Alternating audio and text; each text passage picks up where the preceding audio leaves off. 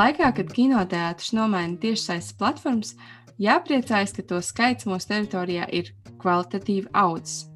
Pavisam nejauši, šoreiz katra filma, par ko sarunāsimies, ir no citas straumēšanas platformas. Oskara Rūlera filma Enfant Terrible redzējām Tallinas Melno Nakšu starptautiskajā kinofestivālā. Un vēl vienu reizi pārliecinājāmies par to, ka kinofestivāls var pilnvērtīgi notikt arī tiešsaistē. Otrā filma mūsu sarakstā ir Davida Finčera jaunākais veikums Mangs, ko iespējams redzēt straumēšanas gigantā Netflix. Savukārt Aleksija Učitaļa filma Cois pieejama vairākās vietējā mēroga tiešais platformās, tostarp arī biznesa mājas kino. Visas trīs filmas daļai ierakstās zem biogrāfiskā žanra, un par to arī sarunājāmies šajā epizodē. Right, upstairs, nu, bet, jā, tad par biogrāfiskā žanra filmām. Ja, kas tev ir sakāms uh, šajā sakarā?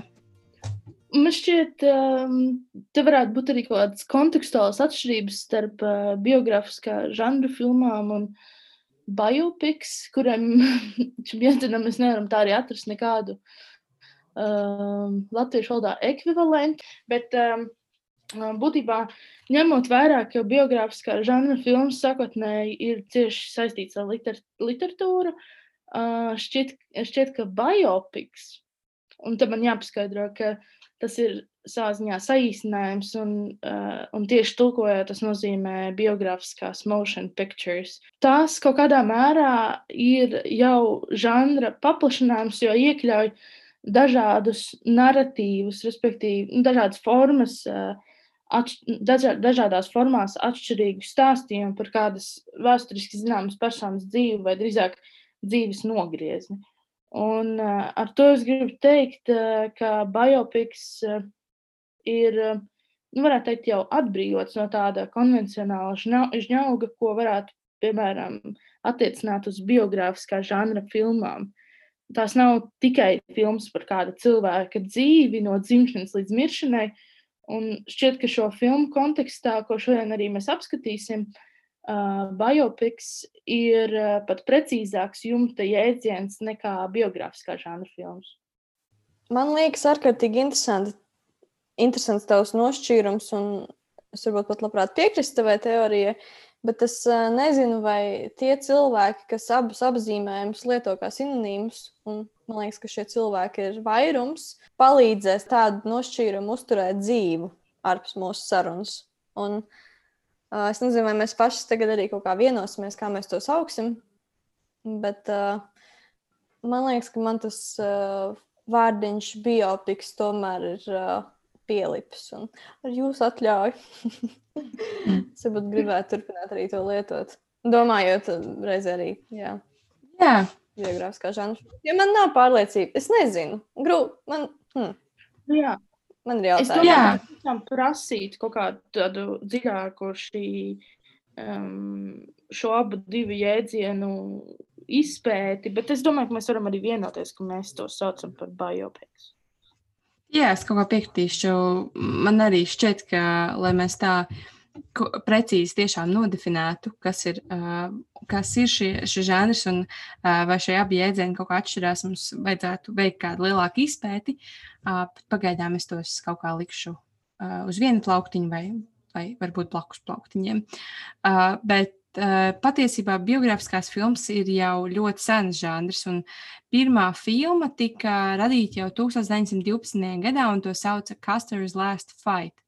Bet šis žanrs liek domāt par to, kāpēc to varētu dēvēt par vienu no populārākajiem, un kāpēc joprojām filmu veidotāji to turpina radīt, zinot, ka tas ir ļoti riskants žanrs, kurā iespējams pieļaut virkni ar kļūdām ja, ja tā padomā, tad varētu teikt, ka ik viens eh, noteikti no autoriem cer atrast to perfekto līdzsvaru starp eh, biogrāfiju, eh, vēsturiskajām liecībām un pašu mākslu, jeb kino šajā gadījumā. Um, un kādā BBC diskusijā, ko, ko nesen lasīju starp vairākiem filmu veidotājiem, um, viņi lēma ka laba biogrāfiskā filma ir tāda, kurā režisors neliek ne iemīļot, ne ienīst galveno varoni, šo izvēli atstājot pašu skatītāju rokās. Un, uh, un man šķiet, ka šis ir ļoti labs kriterijs, arī pēc kura mēs varam tālāk vērtēt visas trīs uh, filmas, par kurām mēs šodien uh, vēlamies runāt. Un, uh, kā pirmo varam tad, uh, minēt Oskara Rūlera and Fun Terrible, ko redzējām Tallinas kinofestivālā Šobrīd ir tāda sajūta, ka par filmu tomēr ļoti maz dzirdēts un lasīts. Lai gan tā ir iekļauta, tika iekļauta kanu programmā, un, un vēlāk, kā jau minējām, tā atklāja arī Tallinas Melnās naktis, kas patiesībā ir ļoti liels notikums. Um, Priekš filmas, uh, ņemot vērā, ka tas ir A-klases festivāls, tomēr pieļauju, ka tādas plašākas sarunas par filmu vēl varētu tikai sekot.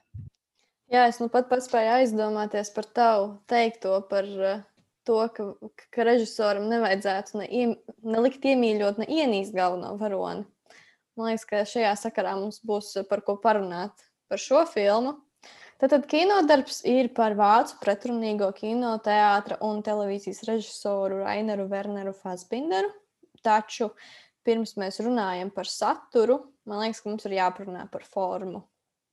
Filma ir tapusi vācu teātris aktierspēles tradīcijās, un uh, to veido stilizācija ārkārtīgi nosacīta vide. Tas man atgādināja Dogvillu. Jo man liekas, ka abas filmas ļoti labi parāda un pierāda, ka tāda atklāta nosacītība un vidas butaforiskums netraucē ticamībai un līdzpārdzīvojumam. Un es varbūt lietoju vārdu līdzpārdzīvojums, bet tad es arī sev vaicāju, vai šajā gadījumā mums īstenībā nav jārunā par atsešinājumu, jo man liekas, ka tāds brehta gars eh, šim darbam ir stāvējis klāt. Tur filmēt paviljonos un uh, sienas un mājas ir, es nezinu, kā to nosaukt, pavirši gleznotas. Man, man šķiet, ka tas aspekts ir ļoti uh, nu, varētu teikt, daudzpusīgs. To varētu ļoti daudz, nu, dažādi skaidrot vai interpretēt, jo uh, Vasbinders ir strādājis uh, teātrī, kā jau minēja Agnes, viņš arī bijis teātris režisors, un tas nav mazsvarīgi, jo tas ir tāds uh, pieturpunkts viņa karjeras sākumā, un uh, Citkārt ehm, šo viņa saistību ar teātru devē arī par tādu tramplīnu viņa kino karjerai. Un iemesls tam ir pavisam vienkārši patiesībā daudz no tā laika, daudzi, kas ar viņu no tā laika strādāja, strādāja ar viņu ilglaicīgi arī pēc tam kino. Un viens no piemēriem, viņš uzņēma 20 filmas ar aktrisi uh, Hannu Šugulu un Irmu Hermanu. Tas varētu būt viens no tiem aspektiem. Otrs, eh, varbūt mazliet mākslinieckāks, eh, nesaistīts ar šo biogrāfisko aspektu. Um, patiesībā man šķiet, un es to arī tā lasīju, ka tā, ka tā varētu būt arī daļēji iekudēt tādu refleksiju par uh, par uh, nespēju pietuvoties galvenajam varonim, nu, šajā, šajā uh, kontekstā Fasbinderam, jo šī nosacītība, kas neļauj līdzjust un uh, atceršana skatītāju no tādas iegremdētības, ieslīgšanas kinoteātrī krēslā vai mājās. Jā, nu, tā ir tāda, tā ir principā bloķēta. Uh, jo ir šī nosacītība, ir um, katrā ziņā šī telpa nav tāda, ar kuru um, ierasti mēs gribam asociēt kino, īpaši biogrāfiskā, uh, uh, biogrāfiskā žanra filmas vai biopiks. Un uh, šeit man uh, savukārt nāca prātā nevis uh, Trīra Dogvila, bet uh, Dereka Džārmana 93. gada filmu Vidņiešanas, ko mēs, man liekas, kaut kādās citās epizodēs arī esam minējušas.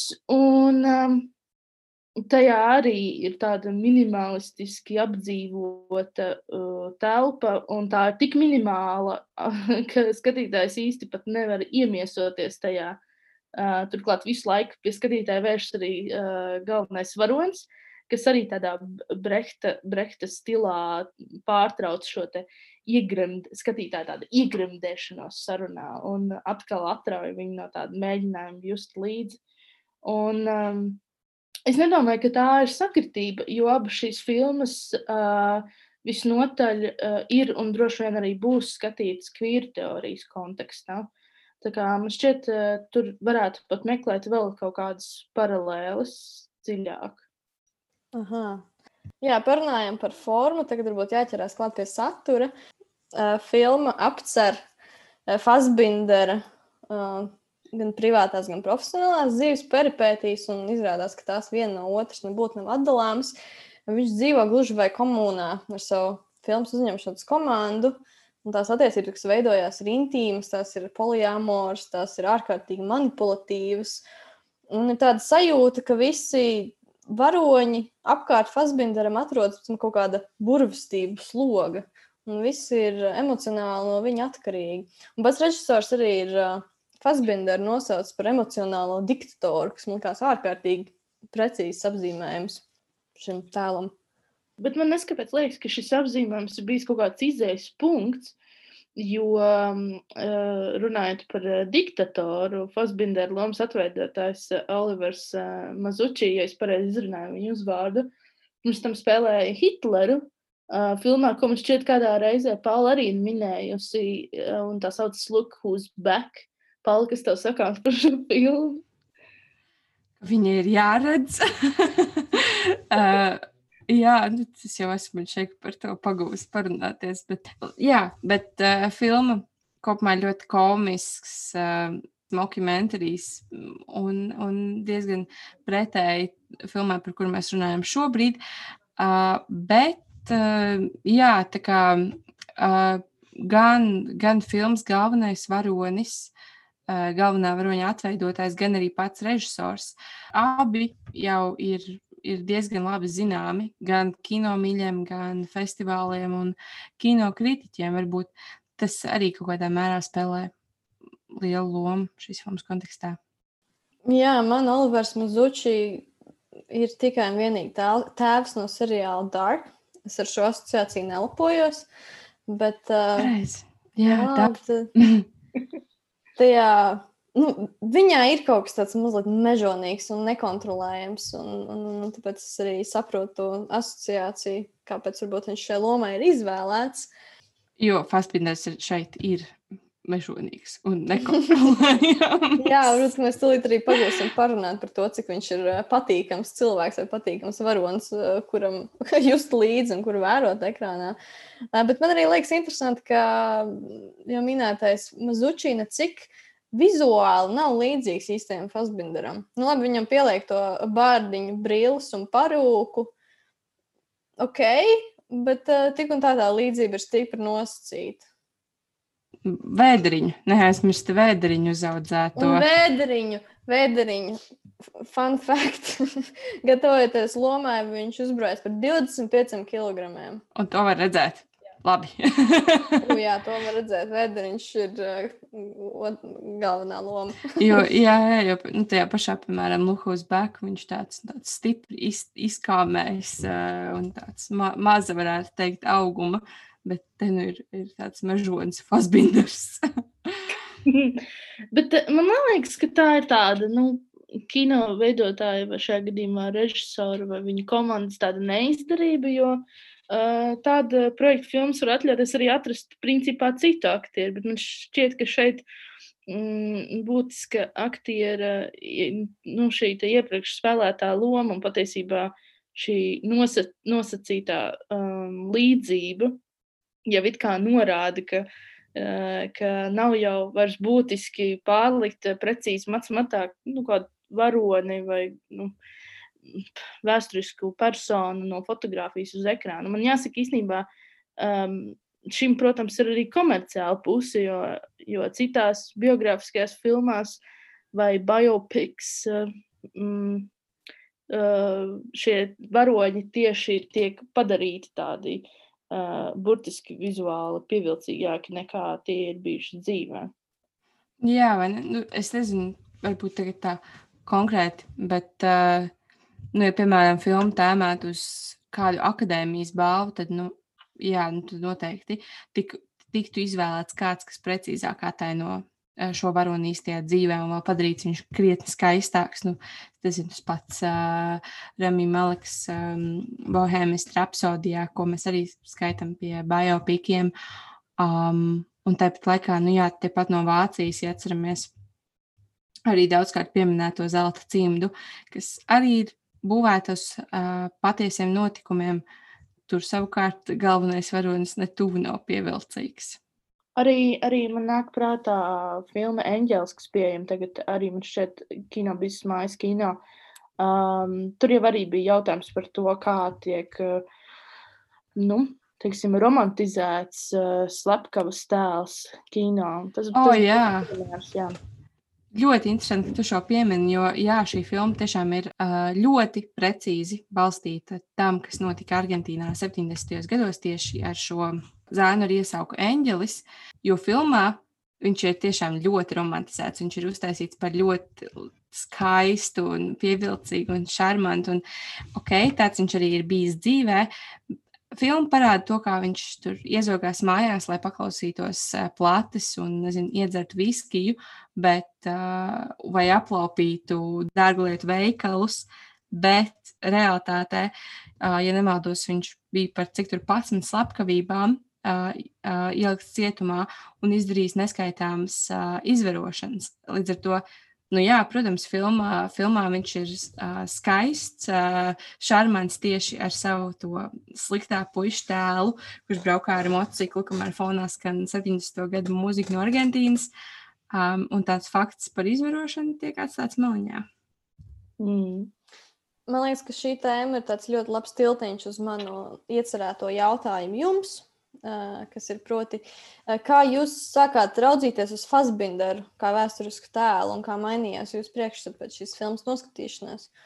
Un es jautāju tādēļ, ka es nespēju domāt par to, ka, nu, ka filmas autori necik neļāvās kādai pašcensūrai viņa atveidām, bet gāja uz simtkārtīgu farsu un radīja, nu, atvainojiet par tādu izteicienu, bet beigu kuili. Un, uh, Es nezinu, vai es spēšu vairs iztēloties eh, kaut ko citu nekā šo tēlu. Tāpēc es uh, gribu dzirdēt, ko jūs domājat par to. Man liekas, tev absolūti jāpiekrīt, jo šķiet, ka vairs uh, nevienu viņa filmu es nevarēšu paskatīties, nedomājot par Mazuči attēloto Fasbinderu. Pat. Uh, es skatoties, noteikti, kā viņa kaut kādas filmas tagad visu laiku iztēlošos viņu aiz kameras ar, ar visām tām izdarībām, ko mēs redzam filmā. Bet ne, es nezinu, man, man laikam nav tādas, uh, um, tādas emocijas. Varbūt arī tāpēc, ka es ļoti izjūtu to atsvešinājumu tajā filmā. Bet vispār man šķiet, viņš tāds uh, produktīvi destruktīvs.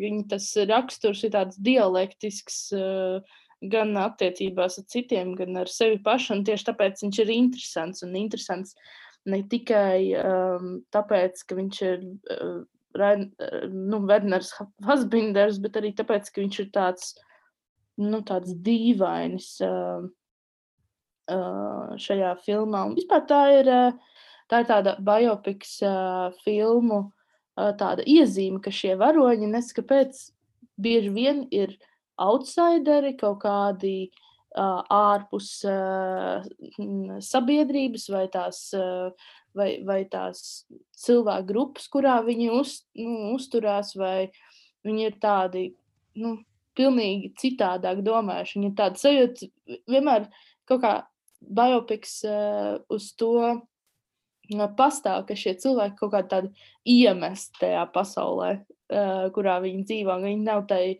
nekādā veidā ne gatavi, ne radīti. Ne, ne, varbūt nekā... tas ir kaut kāda, žanra klišē, ne?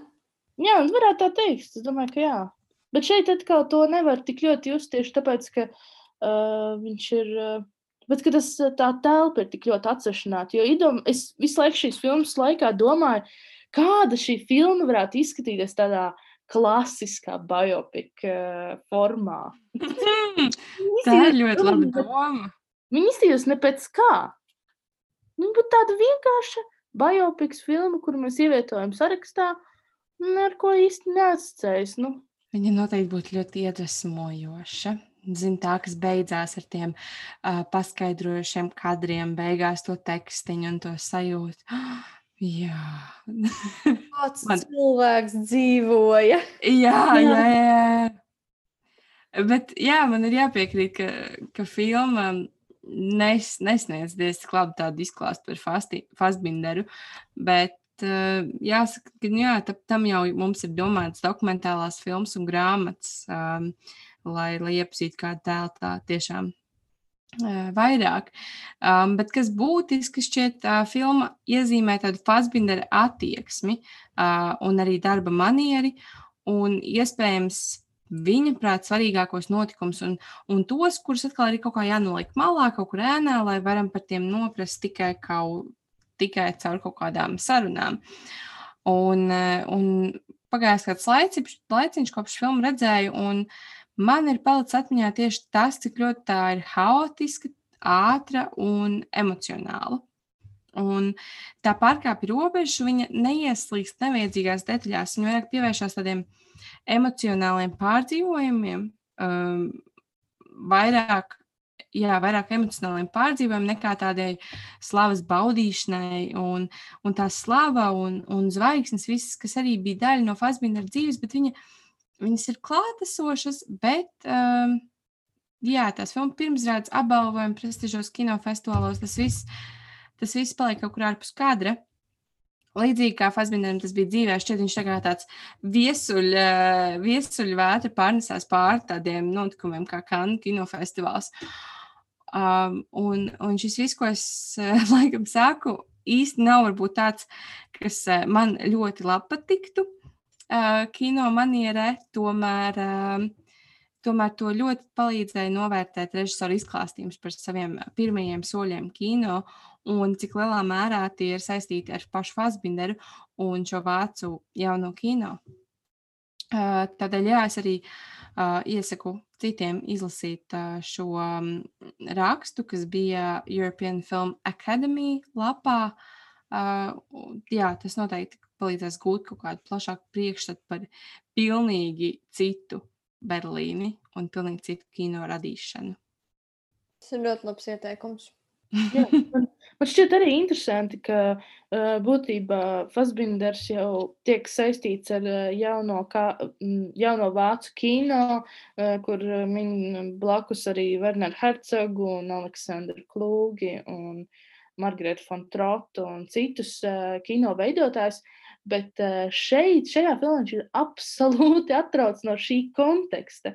Viņš ir, viņš ir uh, Fasbinders um, kā viens, nevis kā. Jo tas arī kaut kā mm, ir tik ļoti ierasts šīm uh, biopiks filmām, ka tur tiek parādīts viss konteksts, vēsturiskais. Um, nu, tā telpa ir ļoti plaša, tā ir tāda. Nu, Tāda pat vēsturiska, viņai ir kaut kāds smags vairs. Visi skatās šo filmu, zina, ah, un tas tā, tā tapa, vai tas notika tad un tad, wow, un tas tur vispār izpaliek.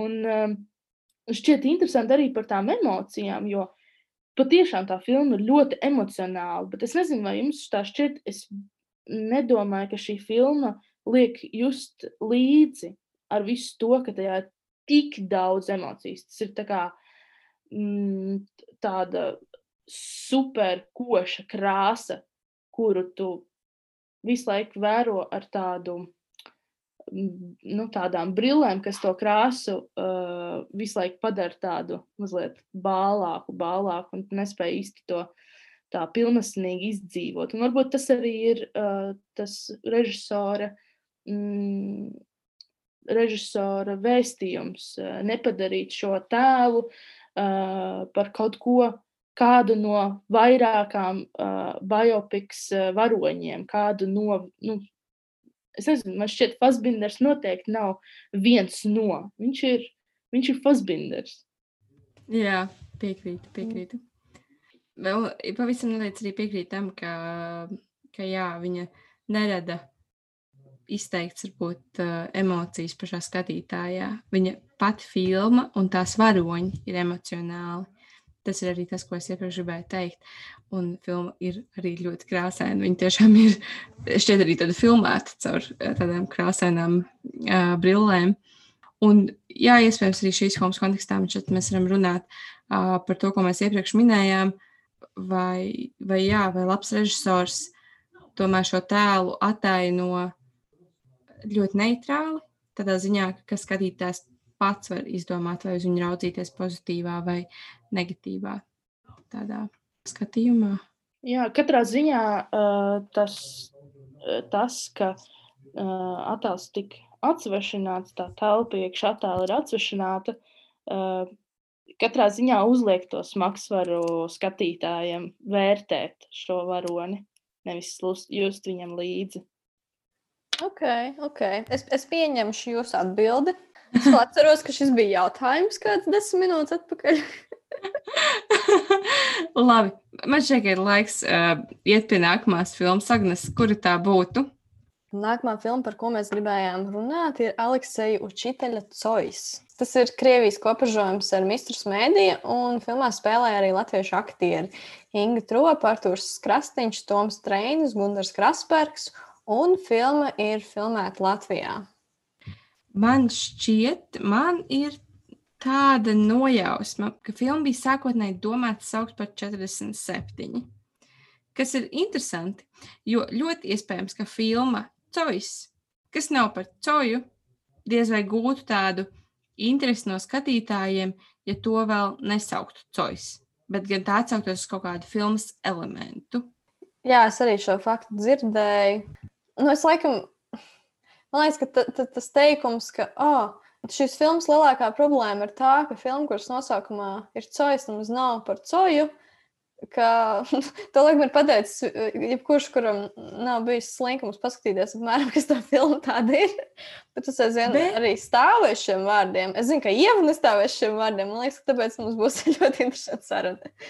Bet es gribu kaut kā atspēkot šo teikumu, sakot, ka, uh, manuprāt, um, šo izteikumu ir aizsākuši, nezinu precīzi, uh, kurš varbūt, bet filmas producenti vai, vai izplatītāji vai kas. Tieši tāpēc, ka uh, lasīju arī intervijā ar Daigu Livčāni, uh, ka bieži vien, ja mēs nosaucam filmu kādu cilvēku vārdā vai kādu notikumu vārdā, mēs ļoti gaidām, ka filma būs par to, jo skaidrs tas ir nosaukumā, vai ne? Un tad cilvēki nāk ārā un ir šausmīgi vīlušies un sliktas, raksta sliktas recenzijas, un viss ir slikti, jo viņi nav saņēmuši to, ko viņi gaidīja. Tāpēc varbūt um, nosaucot par coju, tā pievēršot uzmanību tam, ka filma varētu būt par coju, bet pasakot, ka šī filma tomēr, lai gan saucas cojas, nav par coju, tomēr viņi tā kā mazliet tā aizsargājas nu, tā kā, nu, tā, no, no visas tās negatīvās uh, plūsmas, kas varētu nākt virzienā no tiem, kas ir gājuši uh, uz tiešais platformām, ne kinoteātriem un gaidījuši filmu par coju. Tad sanāk, ka varbūt viņam tāds taglines bija, ka šī filma nemaz nav par coju. jā, jā, jā. Plakātā to ierakstīt, piemēram. jā, tā kā cojas, bet hei, šis nav par coju. Bet es, ne, nu, nē, es jums nepiekrītu. Tāpēc, ka man liekas, ka tas ir par coju. Tikai jautājums, par kuru no visiem cojiem. Nu, tādā ziņā, ka uh, man šķiet. Bet vai, vai ja tu būtu coja fans, nu, tad vienkārši kvēlāk. Jā, bet tur jau tā lieta, ka tas ir tas cojs. Tas ir tas ierastais narratīvs par Viktoru Coju. Man šķiet, ka šī filma būtībā ir par to coja otro dzīvi, par viņa vārda dzīvi, pēc viņa paša tādas bioloģiskās nāves, un tas būtībā jau ir šī žanra konvencionālās struktūras paplašinošs aspekts. Uh, turklāt uh, jāņem vērā arī šie aspekti, kas aptver viņa personību, respektīvi šādas leģendas un kulti, kura ierosme paties, patiesībā viņa, bija arī šī viņa pēkšņā nāve, kas atrisināja to coju pasaules daļu, ko biopiks parasti uh, padziļināti neapskata. Un man šķiet, ka uh, es kaut kur lasīju, ka režisors uh, pats Coju ir personīgi pazinis, un tāpēc uzskata, ka viņš tā kā ir cienīgs šo stāstu izstāstīt. Un man šķiet, ka tas uh, biopik ierasto vēstījumu par kādu vēsturisku personu padara daudz dziļāku, uh, personīgāku un pat vēl empātiski pielādētāku, jo uh, šis, šī persona uh, tiek, a, ne, nu, tiek asociēta ar to, ko viņš ir uh, uh, nozīmējis citiem. Nu, vienam tas ir draugs, citam tas ir elks, trešajam tas ir kaut kāds nelaimes gadījumā ciets vīrietis pie stūres. Skatītājam es domāju, ka, ja vien tas ir spējīgs uh, izkāpt no tā ierastā narratīva par coju, viņš, ir, uh, viņš parādās kā cilvēks.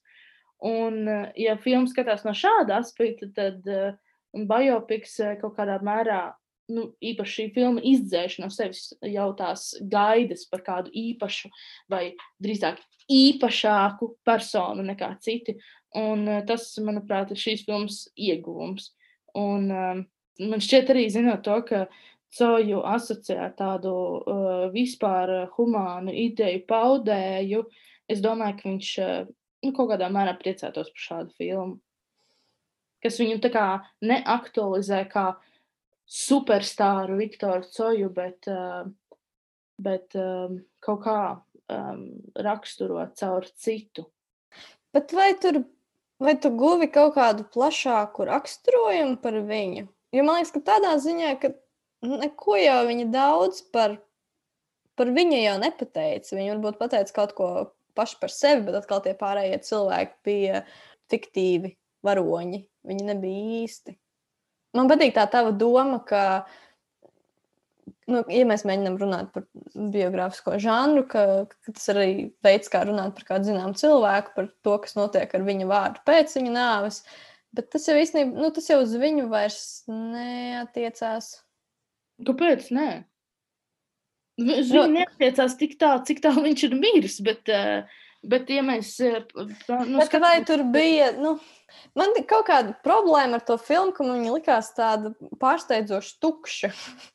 Nu, tas scenārijs ir izstāstīts, un jā, tur šie cilvēki pārdzīvo šiem cilvēkiem vienalga, šie cilvēki metas pūlī, skriet uz kapsētu un tam līdzīgi, bet uh, nekas vairāk par tādu, nu, to, nu, to cilvēcīgo reakcijas tur.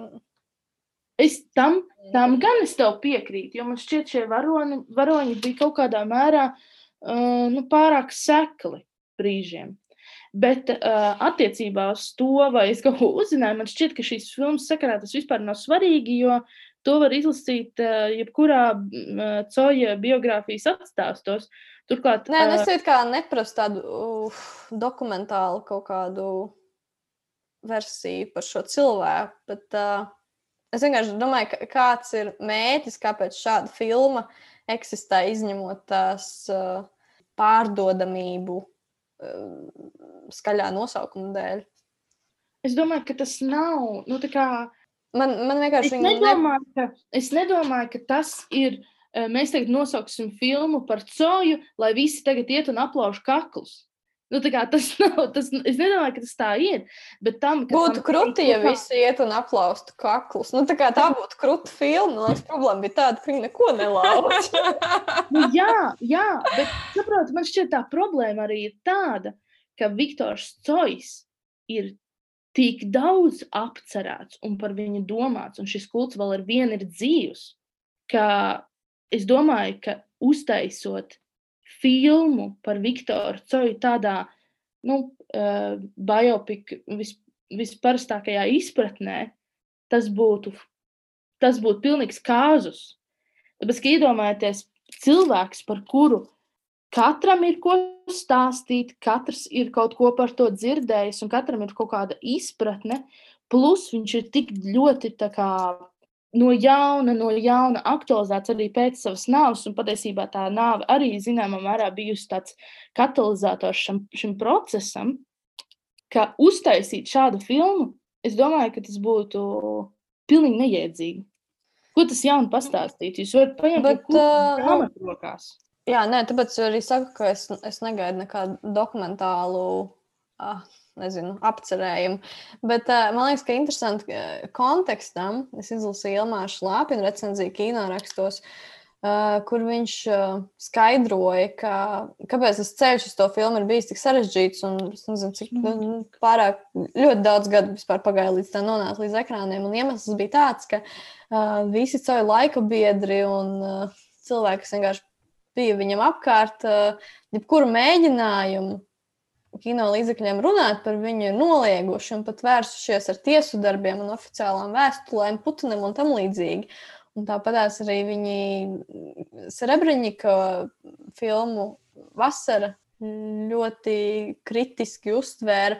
Man liekas, ka viņš ir vienkārši tāds karstais karstupēlis, ar kuru neko nevar iesākt. Un arī tieši tā iemesla dēļ tā filma ir tik eh, bezzobaina un nekāda. Mm. Vienkārši, ka režisoram bija ļoti sapītas rokas. Jā, nu, jā es nezinu Bet... par, to, vai šo filmu varētu likt bajopika uh, plauktiņam jā, mums izskatās, ka vēl ir jāpastrīdas. Jo bet, jā, tā attaino bet, pilnīgi arī... izdomāts elements. Un tur ir tikai daži patiesi pieturpunkti. Bet es arī piekrītu tam, ka to nevajadzētu arī filmai būt uh, pilnīgi kā grāmatai no A līdz Z. Tā, uh, jā, nu tad mēs varam ņemt, izlasīt grāmatu. Es, bet arī atgriezīsimies pie Srebrenikova vasaras arī šī filma Coju neno, nenoliek kā galveno tēlu. Viņš ir, viņš ir perifērs. Un man šķiet, ka šī filma arī, uh, nu, es nezinu, arī, bet šī filma noteikti pretendē uz tādu uh, pārbiogrāfisku vēstījumu un refleksiju par to, kas vispār ir vēsturiska persona, par kurām ierasti tiek uzņemtas filmas. Varbūt mēs varam paturpināt par, par to, kā Agnēs sāk gribēt runāt par busiņiem. Man šķiet, ka busiņu tēma tad ļoti labi iedarētos. Jā, man patīk, ka jau minētais Ilmārs Šlāpins savu rakstu nosauc par autobusu debesīs. Man liekas, ah, oh, kaut man tas būtu ienācis prātā. tas ļoti labs raksts nosaukums. Bet eh, kas mani nepārsteidz, bet uh, manas asociācijas šai filmai bija ar Holivudas darbiem. Un man paši tas mazliet. Uh, man lika vilties uzreiz, kā es to iedomājos. Jo man liekas, ka tā holivudiskā maniera, kādā filmā ir veidot, arī liek tā filmai zaudēt kaut kādu šārmu. Un tās filmas, par kurām es domāju, ir Little Miss Sunshine un Captain Fantastic. Kas ir tādas mīlīgas, šķelmīgas amerikāņu ceļu filmas, smukos busiņos. Un turklāt, ja man atmiņa neviļ, tad arī tajās kaut kādā brīdī tiek transportēts līķis. Un tad es saprotu, ka īstenībā jau tas elements, tas viņa ģeniālais uh, scenārijs jau īstenībā ir vairāk kārt izspēlēts uh, mainstream kino. Tas man vairs jā. tajā brīdī es vispār nepērku to. Vai ne? Jo jā, jā, jā, ir tās filmas, kur, kur nevis kādā brīdī, bet principā bet par filmas galveno elementu ir ceļš un līķa pārvešana. Un ir pietiekoši daudz arī dažādi mockumentari pat. Un, Uh, un, un vēl nezinu, kādas komēdijas uh, holivudiskas, kurš šis tiek darīts. Uh, bet mazliet smējos, ka tu saki, smuks autobus vai, vai kā tu teici, jo nu, nevarētu teikt, ka šeit tas padomu lauka, laika autobus varētu būt smuks, bet varētu teikt, ka tas ir tāds um, es nezinu, PSRS uh, mazais road movie, uh, sunshine stilā, kur, nezinu, uh, kur tās smeldzīgās ainas par kādām dzīves pamācībām un mazas meitenes un vectēva attiecības mēs pretstatā liekam, nezinu, alkoholismu, traģisku nāvi un, un vēl nezinu, ko, kas ir cojā. Bet uh, man šķiet, ka tas ir tāds uh, režisora uzsvērtais sarkasms par to, par to minēto refleksiju, ko es jau sacīju, kas aptver to, kādā veidā un uh, kādiem līdzekļiem ir jārunā par zvaigznēm, nu, ko Agnes jau arī minēja par, par šīm visiem uh, vēstulēm Putinam un tā tālāk. Būtībā, par, nu, būtībā tas ir, ir refleksija vai kaut, kā, kaut kāds joks vai vai sarkasms par tiem, kur burtiski ir pēdējās nemirstīgi. Es zinu, ka pat uh, Juglaus uh, saucamā Ķīnas mūri, kas ir garāža siena ielas garumā, jau gadu gadiem uh, stāv rakstīts skaidrā krievu valodā, cois ir dzīvs. Uh, bet tikmēr bu busiņā tiek vests kādreiz tā sauktā Viktora Coja līķis. Un, manuprāt, tas ir kaut kāds tāds brīnišķīgs režisora dialogs ar visiem tiem uh, Coja nāves apkarotājiem un tā, un, un, un tā izrietošajām sekām, domājot par Viktoru Coju. Un man šķiet, uh, ka neskatoties uz to, ka tai filmai tomēr ir kaut kādas problēmas um, scenārijā, um, tēlos, un, un jā, kaut kas tur īsti ne, ne, neliekās tādā filmiskā veidā. Tomēr uh, man šķiet, mēs nevaram izvairīties šīs filmas sakarā no visām tām blakus kaut kādiem kontekstiem, uh, kādos cojas tiek ietverts kā vēsturiska persona. Man šķiet, šī filma zināmā mērā ir tā, kas par to uh, reflektē. Nu, un pēdējais komentārs, es laikam pat neatceros, kā es šo filmu novērtēju. Jo šobrīd man iet ļoti augstos toņos, bet mans, mana pēdējā iebilde ir par to, ka brauciens no Tukumas uz Leģingradu izrādās ir caur kuldīgu, raunu, ventas tiltu, pēc tam kaut kur pie jūras. Žā, nu jā. Jā, tu kaut ko gribēji teikt. Nē, es vienkārši tikko aizdomājos, ka no, tu, no tukumiem, mm -hmm. no tukuma līdz Leņņģeradai, varbūt caur kuldīgi arī var izbraukt. Varbūt, bet, uh, es, šim, es šim aspektam arī piekrītu. Tas man patiesībā citās filmās, piemēram, Martinsona kunga filmās, ļoti krīt uz nerviem. Um, tas nu, filmu nevar salīmēt normāli tā, lai tas izskatās pēc kaut kā. Man Bet, skaidrs, ka varbūt ka latviešu skatītājs tur veido ļoti maz procentu no tās iecerētās auditorijas, un kaut ko tiešām viņiem ir viena alga. Jā, bet Jā, tajā, tieši... laikā, tajā pašā laikā viņa film, tiek filmēta Latvijā. Visa filma. Nu, tādā ziņā tā ir droši vien domāta Latvijas auditorijām. Mēs nevaram to izslēgt. Uh, un, uh, Nē, filmēšanas lokācija nav mm, svarīga, manuprāt. Bet, uh, bet arī šis stāsts, nu, tā kā visas šis ceļojums, kāpēc tieši no Tukuma līdz Reņģegrabai, kāpēc nevarēja būt no Tallinas? Nu, nu, es, es nezinu, nu, tā kā labi, nu, saprotu, ka iet nu, bojā, nu, bet, uh, bet tās pieturvietas jau varēja būt arī cits, nu, Peipus ezers. Nē, nu, tur par ezeru, nu jā, tur, nu, tur bija kaut kādas vienkārši vietas, kur it kā ir teikts, ka viņš ir bijis. Bet, jā, man, protams, vienkārši to elementu vērtējam tā nu, ļoti no lokālas pieredzes. Jo, ja mēs dzīvotu jebkurā citā valstī, mēs šim nemaz tā nepiesietos. Un, uh, un jāsaka, jā, man šķiet, ka šī filma noteikti nav veidota tikai Latvijas teritorijai. Nē, nē, tas vēl neizslēdz to. Bet, uh, nu, katrā ziņā man šķiet, tas bija arī viens no iemesliem, kāpēc šai filmai ielika tikai, uh, nu, nevis tikai, bet trīs ar pus zvaigznes ar tādu domu, ka uh, ir vērts noskatīties, bet, nu, tā kā neceriet, ka tur, uh, ka, ka tas varētu attaisnot uh, jūsu interesi. Nu, ja jau mēs par tām zvaigznēm runājam, tad es gribu pieminēt, ka. uh, labi, sāksim ar pirmo filmu par ko mēs šodien runājām, Enfant Terrible, uh, kas man šķiet interesanti, jo uh, es filmā esmu atzīmējusi trīs ar pus zvaigznes, tāpat arī Agnese, savukārt Ieva ir devusi vesels četras zvaigznes. Bet, lūk, interesanti par coju, mums katrai ir savs vērtējums. Agnese filmai dod divas ar pus zvaigznes. Uh,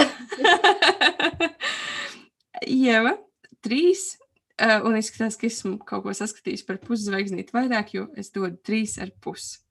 Uh, tu esi ielikt trīs? Tu esi ielikt trīs, jā. Nevar būt. Fact check. Haha! Fakt, jā, es tiešām neatceros. tas būtu tas būt loģiski vispār. Pat trīs, manuprāt, ir labāks. Um, labāks vērtējums nekā 3,5. Nu, katrā ziņā precīzāks, manuprāt.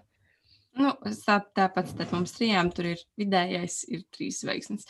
Nē, tas um, ļoti būtiski, Paul. Tāpēc, ka ir, es ar trīs zvaigznēm atzīmēju tās filmas, kuras, nu, jūs varat arī neskatīties, jums ļoti negribās.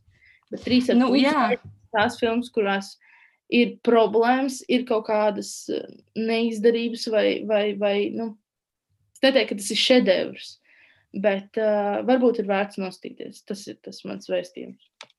Jā, man arī. Bet man šķiet, ka Agnēs vispār iet pēc kaut kādas citu līmeņa skals, jo Agnēs vienmēr pārsteidz saviem vērtējumiem. Tu ieej, tu redzi, oh, Agnēs ir pilnīgi kaut kādai random filmai ielikusi četras ar puszvaigznes. Tā kā filma, kur vienkārši sliņķis 40 minūtes nekustās, melnbalts attēls, izcili piecas zvaigznes. Un pirmais review Agnēs dzīvē, jā, aiziet.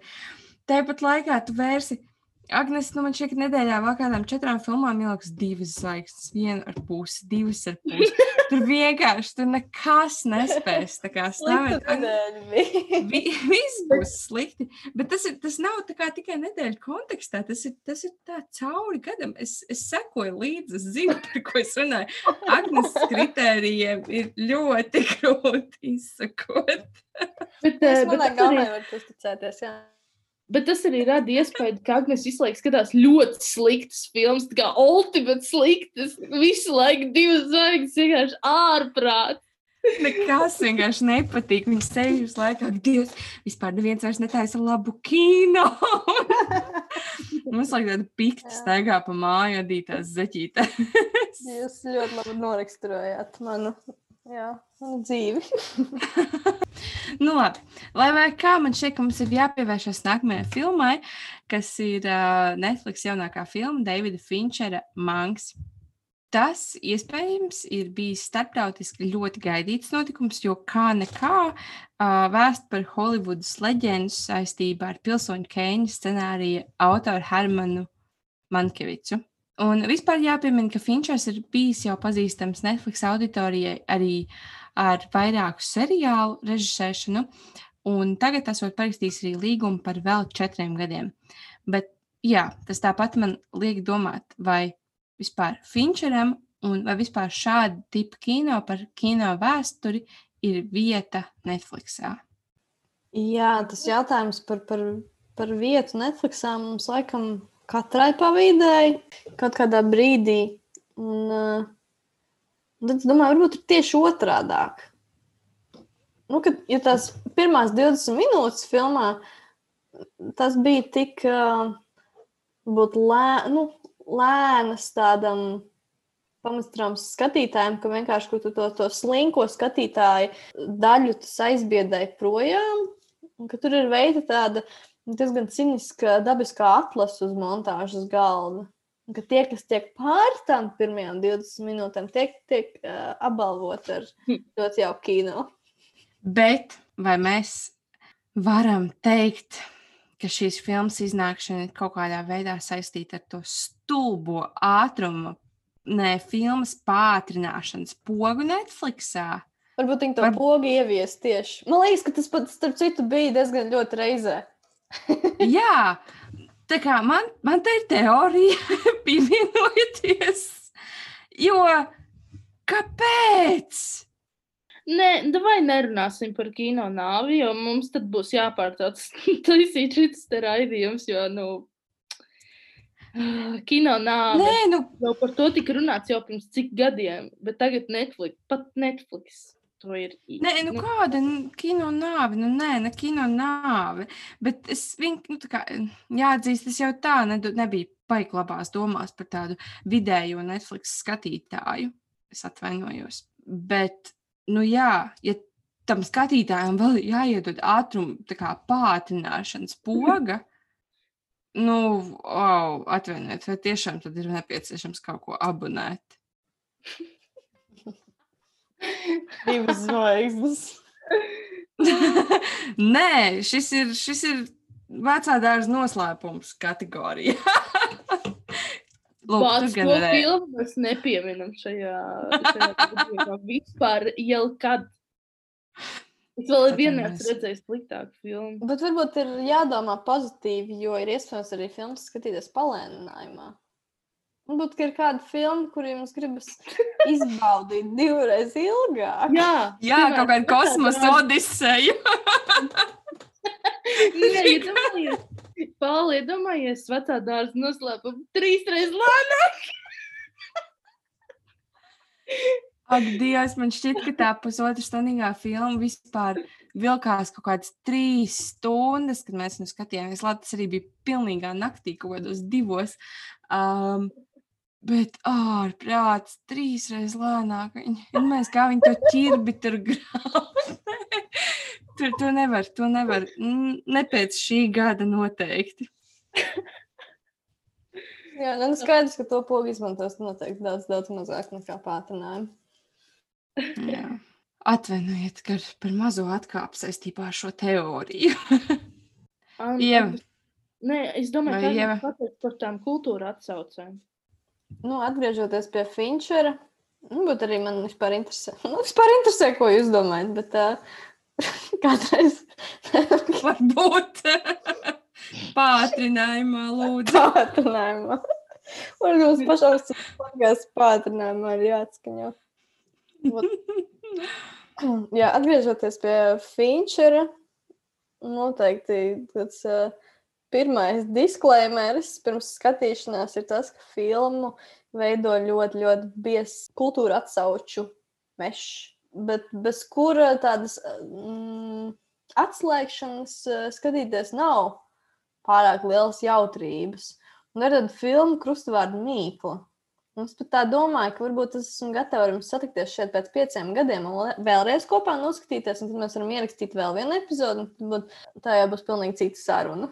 Bet šis jāuztais kā tāds um, mazdraugs kinocilvēks pēc pieciem gadiem. Jauna rubrika. Bet um, atsaucis patiešām ir daudz, un es nodomāju tajā brīdī, kurš būs pirmais uh, letterbuksā, kurš uztaisīs filmu listi ar man kā ie- ietvertajām atsaucēm.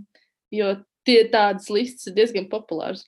Bet uh, man pirmā nāca nu, tāda atsauce uz Hitchcocka lokus uz sētu, jo arī galvenajam varonim ir lausta kāja. Nu, kādā ziņā viņš nevar pakustēties.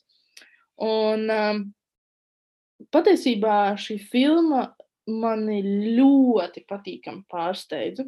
Es neesmu galīgi Finčera cienītāja, bet um, šī filma kaut kā man, es nezinu, varbūt, um, es pat nezinu, kas, kas tik ļoti, bet, bet uh, patiesībā par ko es aizdomājos arī biopiks uh, sakarā ir, ka šī filma uh, ir tāda, tas ir stāsts par sidekick, par kaut kādu um, um, galvenajam varonim blakus esošu uh, personu, kur vienmēr tiek atstāta kaut kādā perifērijā. Un ar to es domāju um, Orsonu Velsu, kas šajā filmā parādās, patiesībā viņš parādās perifērijā.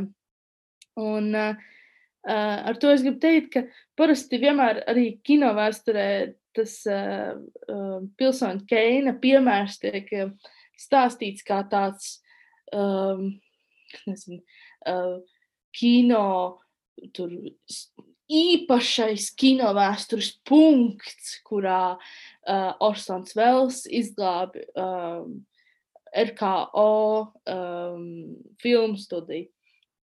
Un uh, ka šī filma ir vienkārši cik tur topos bijusi un kāda tur vēl. Bet tur taču aizmugurē ir tik daudz cilvēku un viņu stāsti. Un, un šis ir viena no tām reizēm, kad uh, režisors būtībā dekonstruē šo ierasto vēstures narratīvu un būvē viņu no jauna.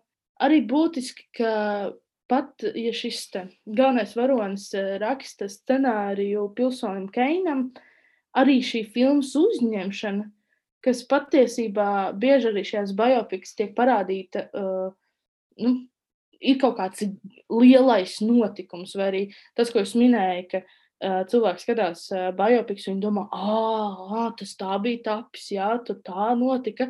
Un tad mēs tur, nezinu, redzējām pilsonu Keinu, vai tas, nezinu, tad mēs uh, klausījāmies, vai vēl ar vienu klausāmies uh, tur Queen. Uh, Bohēmijas rapsodija. Nu, vienalga, bet vienam sakot, tur ir kaut kāds būtiskais notikums, un arī šajā filmā tas ir apiets.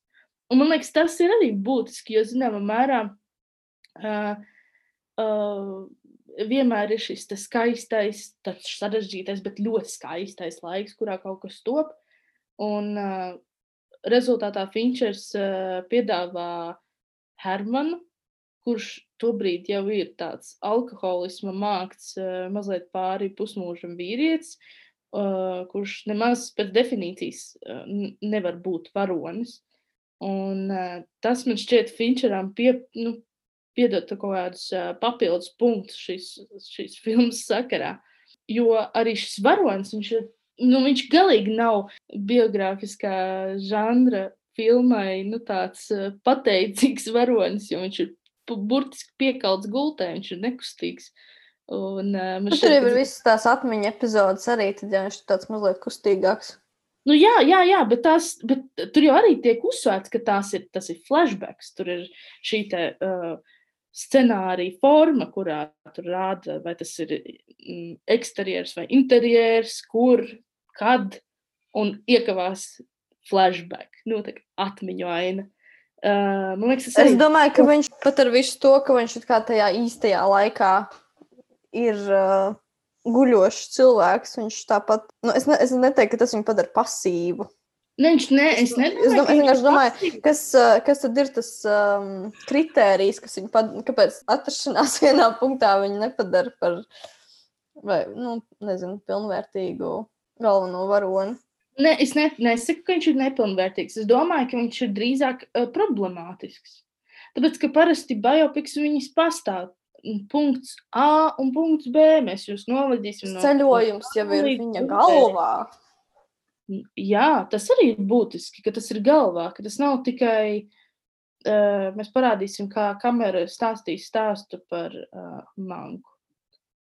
Tas, man liekas, arī tā struktūra, kā viņi ir uh, mazliet, uh, viņi nav lineāra, arī tas ir svarīgi.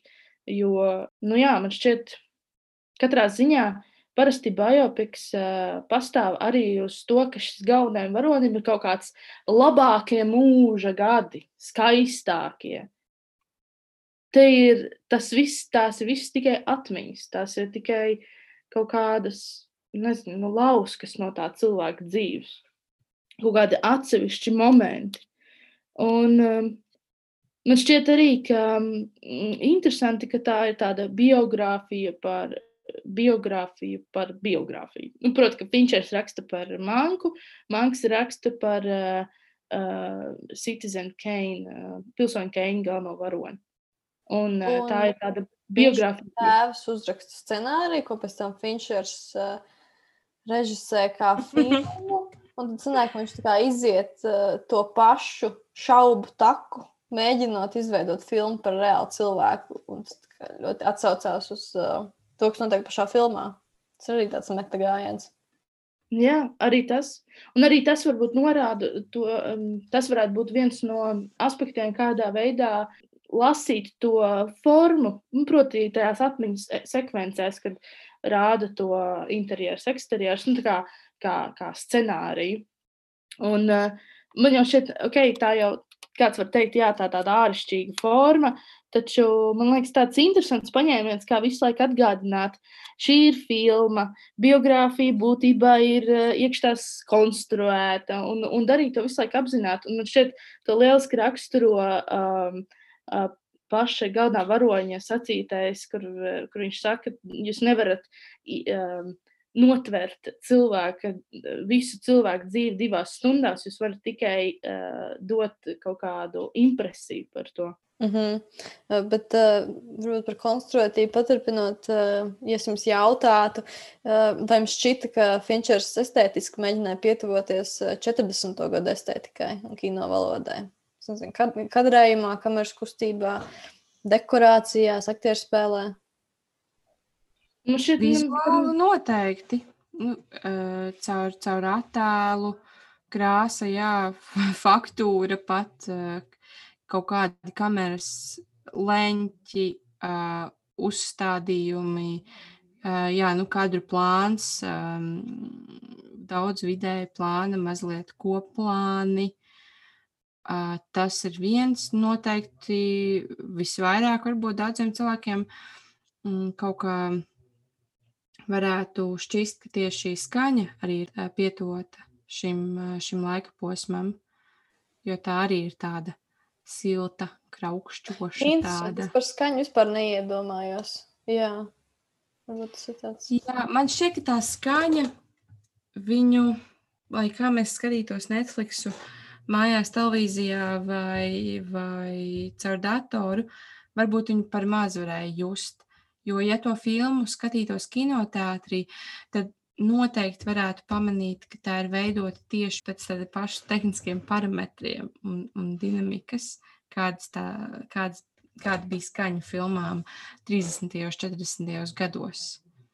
Bet uh, es, es iebilstu, es skatījos šo filmu austiņās, un tur ļoti labi varēja dzirdēt tās nianses. Tur pat brīžiem šķiet uh, speciāli pārskaņot, nu, tā kā izklausās, ka it kā speciāli pārskaņots studijā kaut kādas vietas, uh, kā tas ir nu, ierasts tajā, tajās 40. gadu filmās.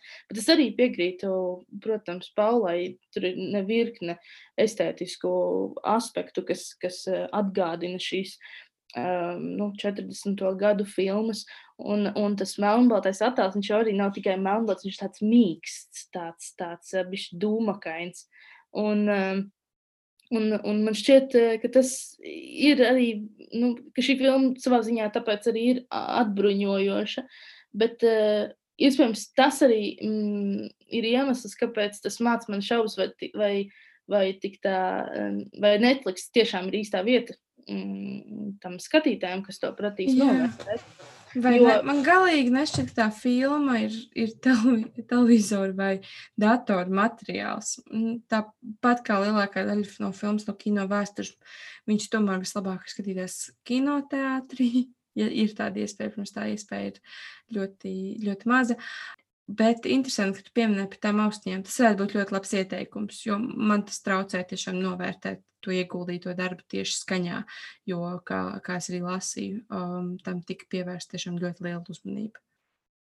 Jā, man šķiet arī, ka šī saistība ar tām 40. gadu filmu estētiku uh, ir savā ziņā viens no tiem aspektiem, kāpēc tā filma ir nu, tāda izaicinoša. Jo arī 40. gadu filmas noteikti nav kaut kāda nu, Netflix video skatītāja watchlistā, tā kā 24, 7 um, kas, uh, nu, jā, um, jo būtībā tās filmas arī, man, es atceros, man kādreiz uh, prasīja, tu tā normāli skaties tās vecās filmas. un uh, es varēju noprast, ka šis cilvēks, kas man to jautāja, viņš uh, jūt, ka šis, šī estētika, kas, uh, kas ir tajās uh, filmās, ka tā ir diezgan atsvešināta no tās pierastās filmu skatīšanās pieredzes mūsdienās. Un tāpēc uh, iespējams šī filma tieši tāpēc, ka tā mazliet atdarina 40. gadu uh, filmu estētiku, ir uh, nu jā, izaicinoši skatītājiem. Mm. Bet uh, runājot par galveno varoni, uh, Garijs Altmans uh, pirms tam spēlēja arī uh, Winstonu Čērčilu filmā Darkest Hour. Un varētu teikt, viņš jau ir tāds ievingrinājies šajā biopic uh, žanrā. Man šķiet tas interesants aspekts, jo uh, tas kaut kādā mērā arī uzsver uh, šī, šī, nu, šī varoņa tādu um, outsidera lomu. Uh, būtībā viņš ir arī brits, un uh, tas arī mm, kādu citu aspektu izgaismo, proti šo karu, kas notik, notiek uh, paralēli uh, kaut kur perifērijā. Bet uh, nu jā, man šķiet, ka to karu viņš iezīmē kaut kā personīgi tieši ar to. Um, un tas kļūst daudz, uh, daudz tuvāk esošs, neskatoties uz to, uh, ka filmas darbība norises uh, Amerikā, Amerikas Savienotajās valstīs. Par Gariju Oldmanu runājot, Mēs iepriekš runājām par to, ka Olivers Mazučī nav vizuāli līdzīgs Fasbenderam. Tad atkal šeit man problēma bija tāda, ka Gerijs Oldmans ir acīm redzami vecāks, apmēram 20 gadus vecāks par savu atveidojamo varoni. Bet es arī domāju, ka tas ir saistība, saistīts ar to, ko šis aktieris ir spēlējis pirms tam. Un interesanti, ka mēs runājam par šīm divām filmām, un abas tās ir ab, abu galveno varoņu atveidotāji spēlējuši divas ārkārtīgi būtiskas uh, politiskas personas Otrā pasaules karā. Nu, tādā ziņā, ka viņi ir nu, iemiesojuši kaut kādu šo tēlu neatkarīgi no tā konteksta. Nu jā, tas pēc tam viņiem piešķir tādu neatņemamu jaudu. Jā, katrā ziņā es domāju, bet es nezinu, man, man tas īstenībā netraucēja, lai gan es iegūloju, kā izskatās uh, šis uh, uh, manks uh, dzīvē. Jā, viņš izskatās mazliet jauneklīgāks, jā, viņš vispār pat nav līdzīgs, es teiktu tā, bet uh, es nezinu, vai tas ir būtiski. Man liekas, man tika, ka šie divi varoņi, nu, tā kā Manks un uh, Orsons Vels, kaut kādā mērā ir līdzīgi un iespējams, ka tas ir bijis iemesls, kāpēc izvēlēties tik dažādus aktierus, uh, lai viņi neizskatītos līdzīgi. Jo sanāk tā, ja Orsonam Velsam uh, noņem bārdu, viņš izskatās pēc manka. Nu. mm. Jā. Nu, arī jā, tas ir scenārija autors. Nu, tas nav varbūt tas, ko mēs iepriekš runājām, ka tas nav kāds ļoti zināms aktieris vai mūziķis vai mm, jā, kāda cita ļoti slavena persona, kur tieši asociējās ar izskatu. Arī gadījumā. jā. jā, jā, es tam arī piekrītu. Nu tā, jā, šķiet, ka par biogrāfiskajām filmām mēs varētu vēl ļoti daudz runāt. Uh, Un kā jau epizodes sākumā minējām, tas ir arī ļoti sarežģīts žanrs, līdz ar to šajās filmās ir ļoti daudz ko analizēt un par ko sarunāties. Taču es vēlētos noslēgt epizodi, mazliet papriecājoties par to, cik daudz biogrāfiskās filmas vēl mēs tikai varam gaidīt tuvajā nākotnē. Piemēram, mums būs uh, filma par Bobu Dilanu ar Timoteju Šalmē galvenajā lomā, uh, filma par Gees ar Bradley Cooperu, filmu par Maiku Tysonu, Elvis Presliju, princesi Diānu ar Kristēnu Šuārtu galvenajā lomā. Un vēl filmā par Arētu Franklinu. Jā, laikam to sarakstu varētu vēl un vēl turpināt. Es domāju, ka oh, mums ir jāsaturās. Būs vēl daudz par ko runāt. Un, Un uh, varbūt smējāmies, smējāmies par to tikšanos pēc pieciem gadiem, lai atkal parunātu par mākslu un biogrāfiskajām filmām. Varbūt tā tiešām arī notiks. Uh, lai kā, paldies, ka klausījāties!